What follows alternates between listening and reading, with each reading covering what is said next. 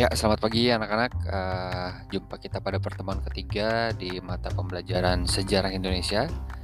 Bertemu kembali dengan Bapak, Bapak Aris Brahmeka Ditya sebagai pengampu guru sejarah Indonesia di kelas 12 pada pertemuan selanjutnya ini.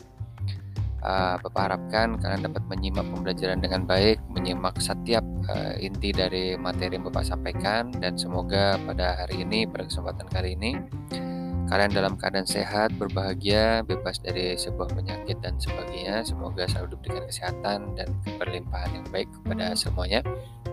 Baik, kita akan masuk pada materi yang selanjutnya. Kemarin kita sudah membahas uh, disintegrasi bangsa berdasarkan uh, ideologi, ya, berdasarkan ideologi. Jadi kita masih melanjutkan sebenarnya kemarin karena kemarin kita baru membahas mengenai uh, eh, PKI Madiun dan pemberontakan DITII serta peristiwa G30 SPKI-nya masih belum sempat untuk pertemuan kemarin. Nah, jadi uh, pada pertemuan kali ini kita akan membahas mengenai gerakan 30 September 1965 atau biasa disingkat dengan G30S PKI tahun 65. Nah, uh, pada kesempatan kali ini uh, Bapak akan memberikan gambaran secara umum uh, mengapa uh, bisa PKI ini sampai pecah sampai terwujud di Indonesia bagaimana pergolakan ini bisa sampai terjadi mari kita nanti akan bahas bersama-sama jadi uh, pada tahun 1950 sampai 1959 ya. Jadi di sini ada terjadi uh, pembentukan organisasi ya, pembentukan organisasi yang mana uh, Partai Komunis Indonesia yang sebelumnya sudah kita bahas di Madiun kemarin uh, karena yang kemarin sudah sempat melarikan diri dari DNI uh, pada kesempatan yang mendatang ternyata Partai Komunis Indonesia bangkit dan dipimpin oleh DN Aidit sebagai salah satu dari empat partai yang besar dalam pemilu 1955.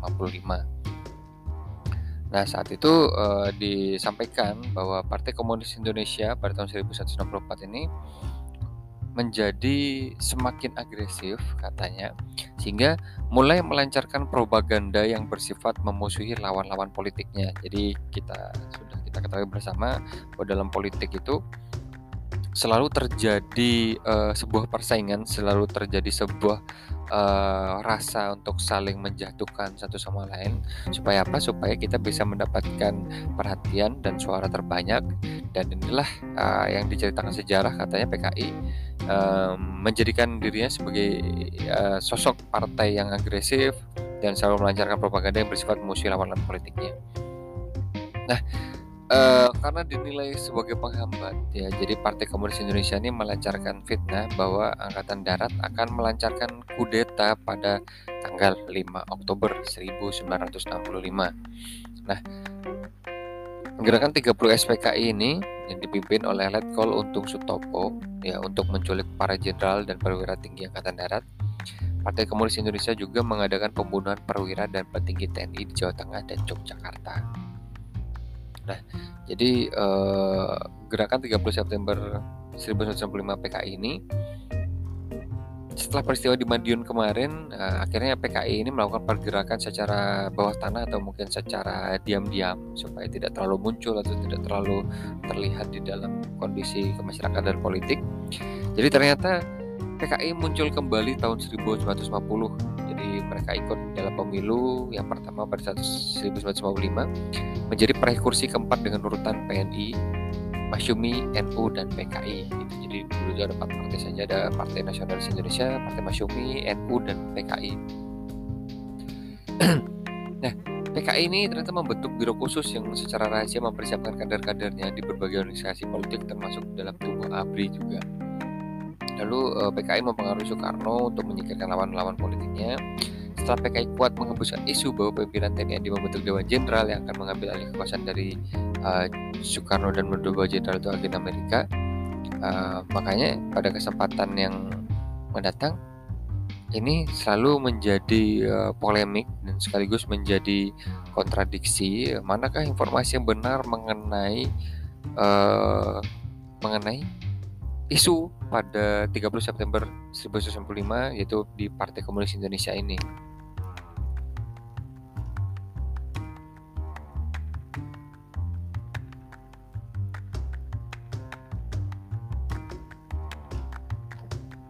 Cek cek.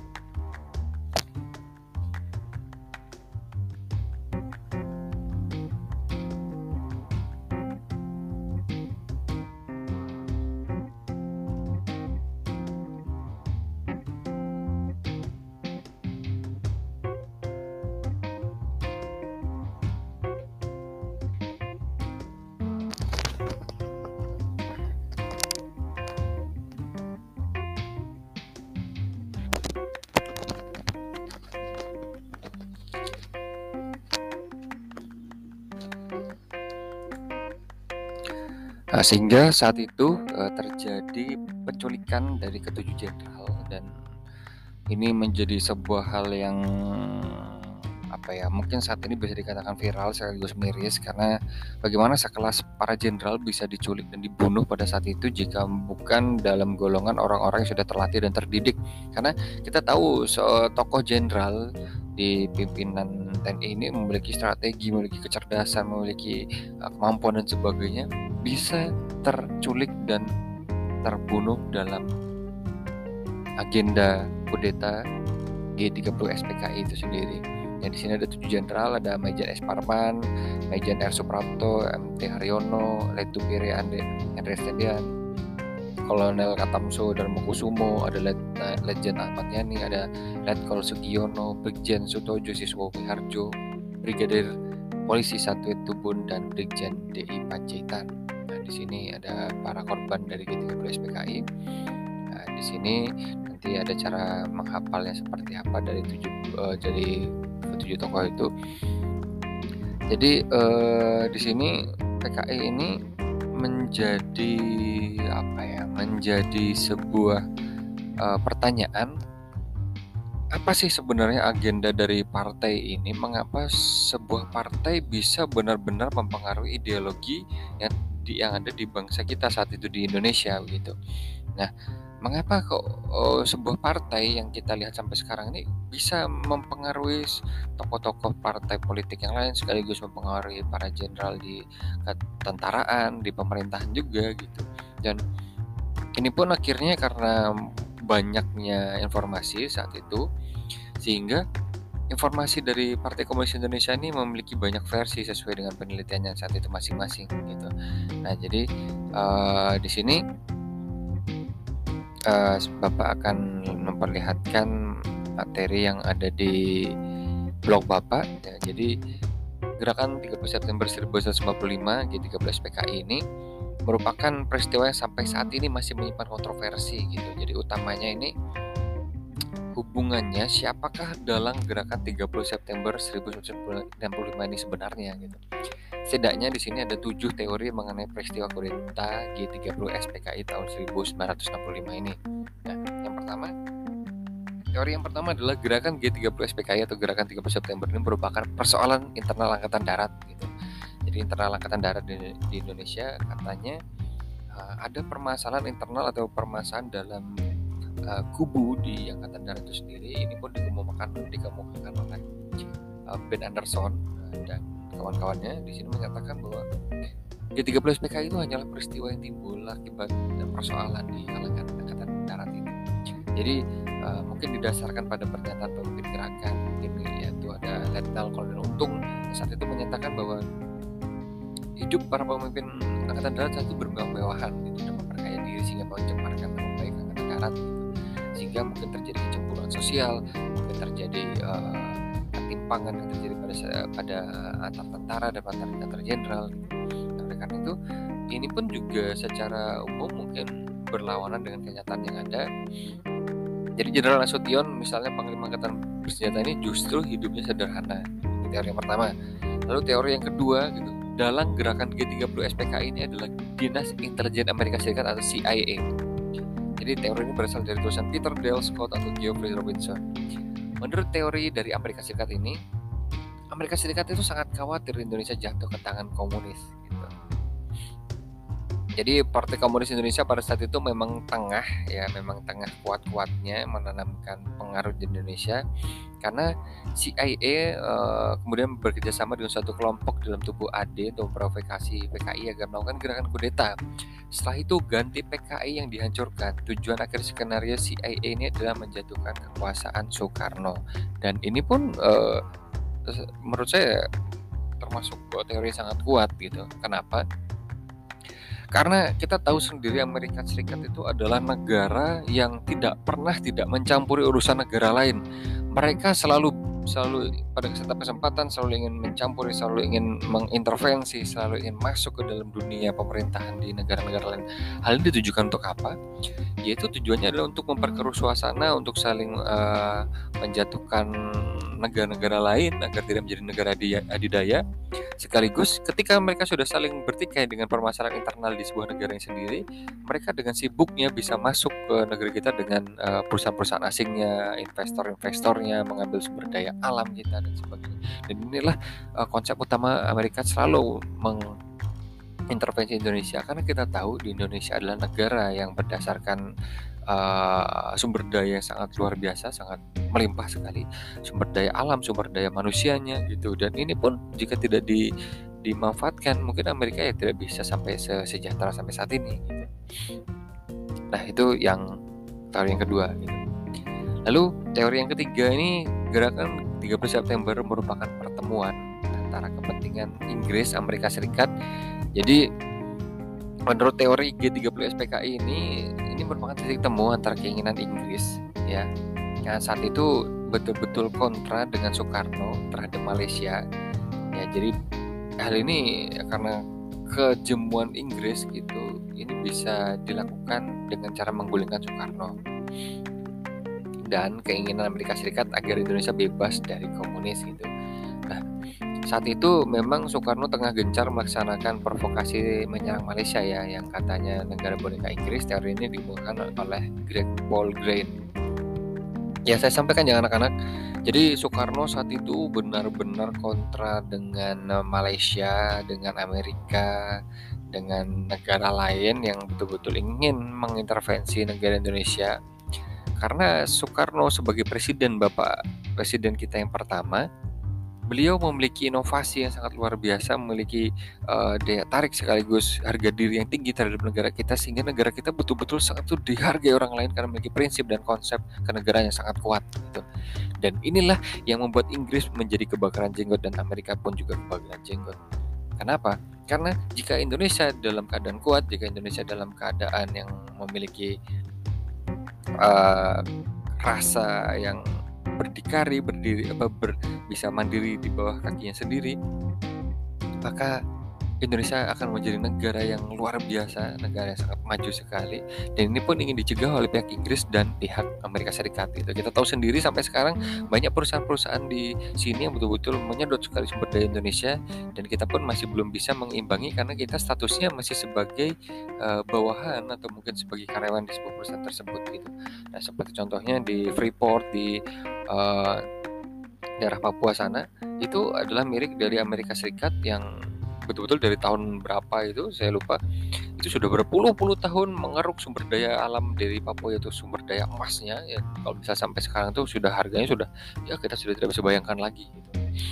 nah lalu Inggris uh, mengapa hmm, ya kenapa Malaysia ini uh, Soekarno juga memiliki rasa kontra gitu? Karena Malaysia ini merupakan daerah jajahan Inggris yang diberikan kemerdekaan oleh Inggris gitu. Oleh karena itu, karena diberikan kemerdekaan oleh Inggris, intervensi dan rasa uh, rasa politik ketenaga ketenaga kenegaraannya ini uh, menjadi sebuah dilema yang sangat uh, sangat mempengaruhi negara Malaysia karena negara Malaysia ini uh, menjadi bonekanya gitu. Kan mereka pun diberikan kemerdekaan oleh bangsa Inggris gitu. Oleh karena itu Soekarno tidak ingin gitu.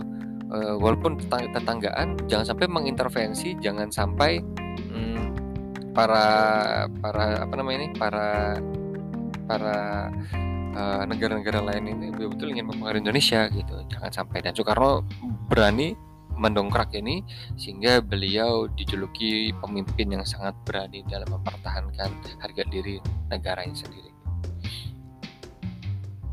Lalu teori yang keempat adalah Soekarno yang katanya merupakan dalang gerakan 30 September. Teori ini disampaikan oleh Anthony Deck dan Anthony Jokes, uh, Anthony Hawks ya. Ini beranjak dari asumsi bahwa Soekarno ini ingin melenyapkan kekuatan oposisi terhadap dirinya gitu. Nah, ini uh, karena katanya berasal dari sebagian perwira tinggi angkatan darat gitu. Karena Partai Komunis Indonesia ini dekat dengan Soekarno, partai ini pun terseret. Nah, dasar teori ini antara lain yaitu adanya kesaksian dari Sri Biju Patnaik, seorang pilot asal India yang merupakan sahabat dari pejabat Indonesia sejak masa revolusi. Dia mengakui bahwa Soekarno sempat meminta untuk meninggalkan Jakarta sebelum subuh. Menurut Patnaik, Soekarno berkata, uh, dari situ Soekarno tahu bahwa kemungkinan ada peristiwa besar yang terjadi saat saat itu dan dan itu Soekarno memiliki feel yang dalam terhadap peristiwa yang besar ini. Nah, teori ini dilemahkan karena tindakan Soekarno ternyata kemudian menolak mendukung G30 SPKI ini bahkan pada tanggal 6 Oktober tahun 65 dalam sidang kabinet Bogor dia mengutuk gerakan ini. Jadi ini termasuk lemah gitu. Dan, tapi ini berita yang beredar di di ini ya politik ketenaga kenegaraan di Indonesia. Lalu yang kelima, tidak ada pemeran tunggal dan skenario besar dalam peristiwa gerakan G30 SPKI ini. Jadi ini teori chaos atau teori ya berantakan lah teori kiamatnya di di Indonesia saat itu. Jadi disampaikan di sini oleh John Deligi teori menyatakan bahwa tidak ada dalang tunggal dan dari skenario besar dalam G30 SPKI ini. Kejadian ini merupakan hasil dari perpaduan antara uh, ya yang disebut Soekarno, unsur Nekolim, negara barat, ya. pimpinan PKI yang keblinger serta oknum-oknum ABRI yang tidak benar. Nah, jadinya ketika sudah masuk uh, ke dalam lingkungan Indonesia, ini menjadi satu kesatuan yang saling menjatuhkan uh, kondisi kedamaian di Indonesia saat itu. Jadi ada yang unsur Nekolim dari negara barat yang ingin uh, menjajah Indonesia secara bentuk apa pun itu. Lalu ada pimpinan PKI yang masih belum uh, apa ya, belum menyesuaikan dengan keadaan di Indonesia sehingga uh, konsepnya menjadi sangat kaku dan sangat uh, mungkin kontra sekali dengan dengan apa ya cita-cita bapak pendiri bangsa kita dari Pancasila itu sendiri gitu. Jadi semuanya pecah dan berimprovisasi di lapangan masing-masing gitu. Nah yang keenam ini teori yang paling paling ya paling paling apa ya paling paling beredar dan paling tinggi ya, jadi Soeharto ini katanya sebagai dalang gerakan 30 September gitu. Nah, eh, yang mendap yang memiliki pendapat eh, bahwa Soekarno adalah dalang dari gerakan 30 September adalah Brian May dalam buku Indonesia Tragedi.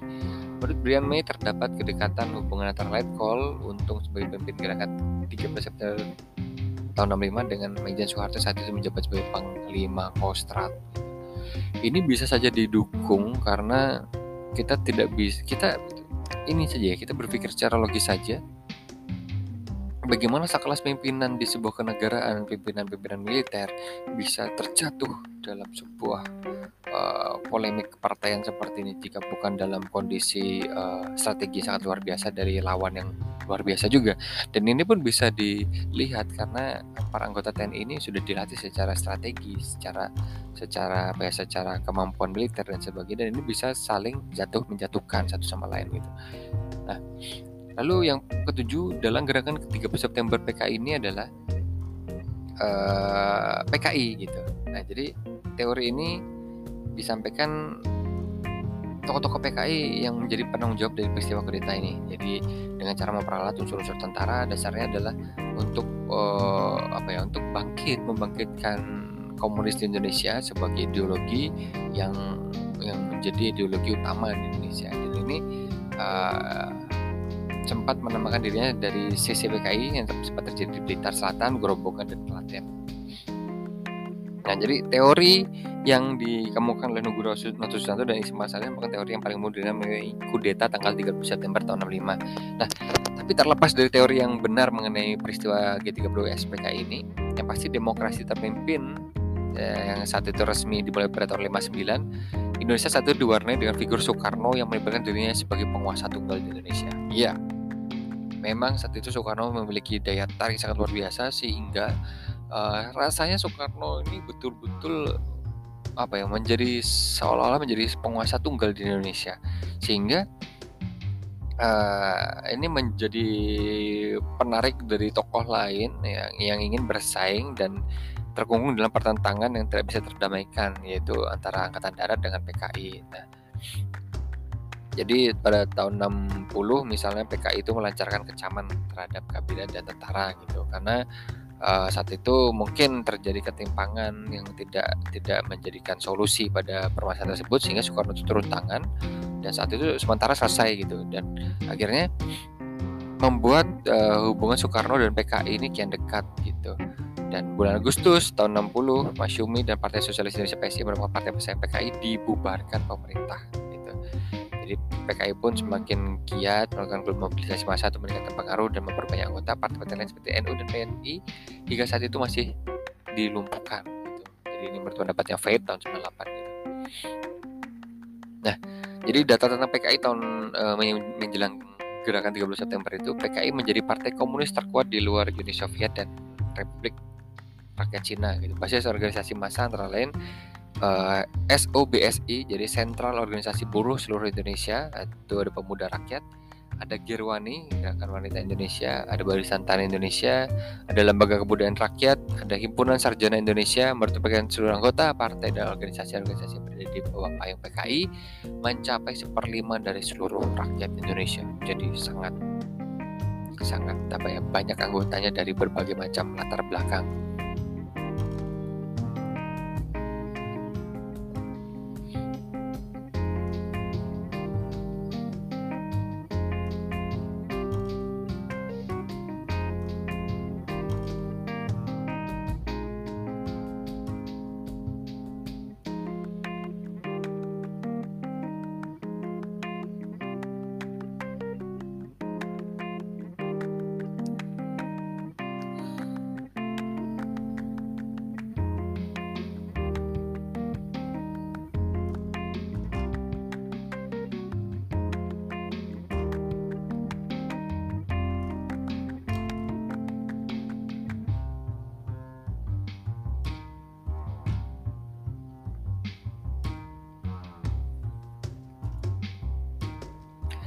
Ya, jadi uh, eh, PKI ini saat itu menimbulkan banyak kritik dan menimbulkan banyak apa ya kecaman yang keras dari berbagai pihak gitu. Karena uh, kita tahu ideologi itu tidak bisa kita larang karena ideologi itu ber memiliki sejarah yang panjang juga kenapa ideologi itu bisa terbentuk. Misalnya ideologi komunis kita ideologi demokrasi ada ideologi pancasila gitu dan ini ini memiliki apa ya memiliki ini masing-masing ada ideologi yang kapitalis ada ideologi yang liberalis gitu. Jadi ini menjadi sebuah apa ya pembelajaran yang penting juga untuk kita untuk kita pelajari bahwa uh, PKI ini menjadi salah satu aksi yang saat itu mungkin bisa kita katakan apa ya kita katakan sebagai uh, aksi yang sangat sangat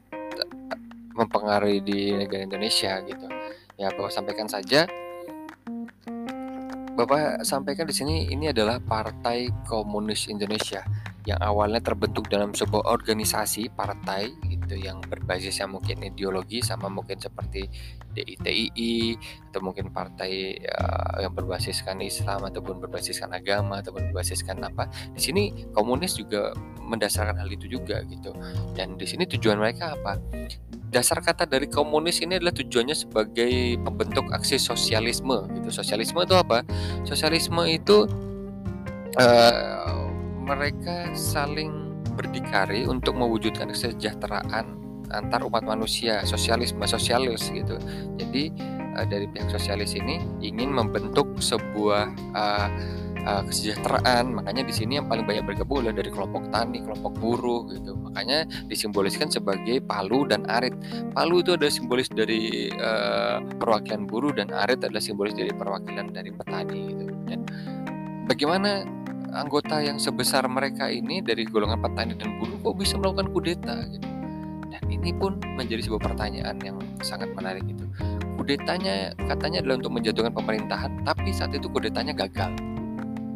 Gagal, presidennya tidak dijatuhkan, tapi uh, partainya bisa dilemahkan. Kenapa presiden juga bisa dijatuhkan? Dan itu adalah pertanyaan yang menjadi uh, pembelajaran kita bersama. Nah, jadi uh, Partai Komunis Indonesia yang saat itu mungkin berseteru, yang mungkin saat itu di Indonesia menjadi sebuah uh, apa namanya, menjadi sebuah menjadi sebuah pertanyaan, menjadi sebuah persaingan.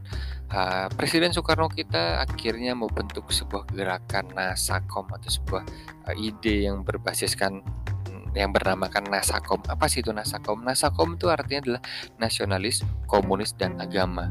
Jadi Soekarno saat itu uh, ingin menyatukan uh, ketiga pokokatan politik itu dalam sebuah wadah yang saling bekerja sama satu sama lain. Nah, di sini ini contohnya ya, ini DN Aidit sebagai pimpinan PKI saat itu dan ini Presiden Soekarno dan ini adalah masa yang saat itu mendukung gitu. Jadi sangat luar biasa banyaknya gitu. Nah, jadi konsep nasionalisme agama dan komunis ini dicetuskan Soekarno. Jadi saat ini saat itu itu mewakili tiga pilar utama yang menjadi kekuatan politik bagi Indonesia sejak era pergerakan sampai pasca kemerdekaan.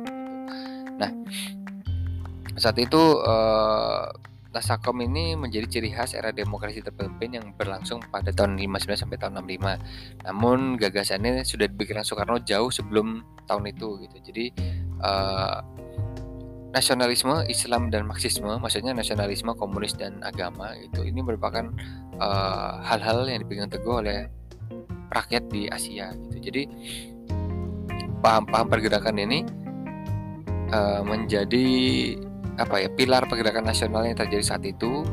Jadi Soekarno membentuk ini agar terjadinya keseimbangan dan terjadinya persatuan antar golongan gitu. Jadi yang berbasiskan agama, mari kita satukan bangsa kita, kita utuhkan dengan dari sisi agama, yang percaya dengan nasionalisme yang betul-betul mempertahankan dari basic negara kita sendiri. Ayo kita bangkit dari segi nasionalisme dan dari uh, dari sosialisme atau dari komunis itu, ayo kita bangkitkan. Jadi saling bersatu di sini, bukan saling menjatuhkan satu sama lain. Dan ini merupakan uh, sebuah apa ya sebuah uh, gambaran yang penting juga bahwa ternyata pemimpin Cakra Soekarno itu betul-betul memperhatikan seluruh rakyatnya, betul-betul memperhatikan untuk merangkul seluruh rakyatnya. Jadi basis Pancasila pun juga masuk di dalam situ untuk dari basis uh, misalnya nasionalis, itu nasionalis sudah masuk ke dalam uh, Pancasila itu sendiri. Ada komunis, komunis atau komunal atau dari bentuk sosialisme itu sudah masuk ke dalam Pancasila dalam wujud kemanusiaan yang adil dan beradab dan keadilan sosial yaitu mengedepankan nilai sosial dan humanisme manusia atau kemanusiaan di dalam kehidupan masyarakat. Lalu yang ketiga ada agama. Agama ya basicnya dari ketuhanan yang maha esa dalam Pancasila gitu. Nah, jadi Soekarno menyatakan di sini bahwa uh, Nasakom merupakan perwujudan Pancasila dan UUD Undang-Undang tahun 45 gitu. Jadi saat itu uh, disampaikan pada pidato politiknya siapa yang setuju kepada Pancasila juga pasti akan setuju pada Nasakom. Siapa yang tidak setuju pada Nasakom sebenarnya tidak setuju pada Pancasila gitu.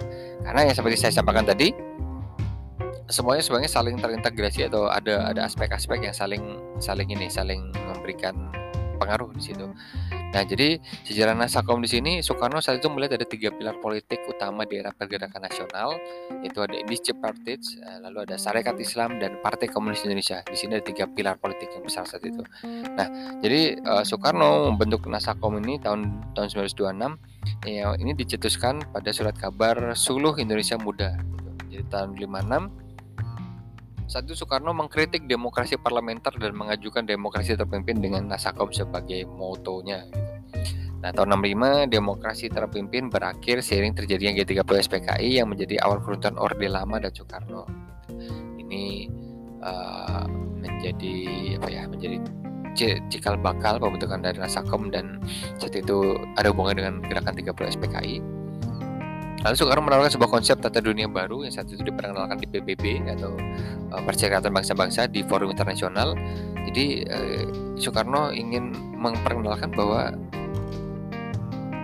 bahwa apa ya rasa kaum ini merupakan salah satu agenda penting juga yang berbasiskan ideologi di, di Indonesia gitu. Nah, jadi tahun tahun 65 tanggal 23 Oktober pada sidang Panca Tunggal Seluruh Indonesia di Istana Negara, Soekarno menegaskan lagi tentang pentingnya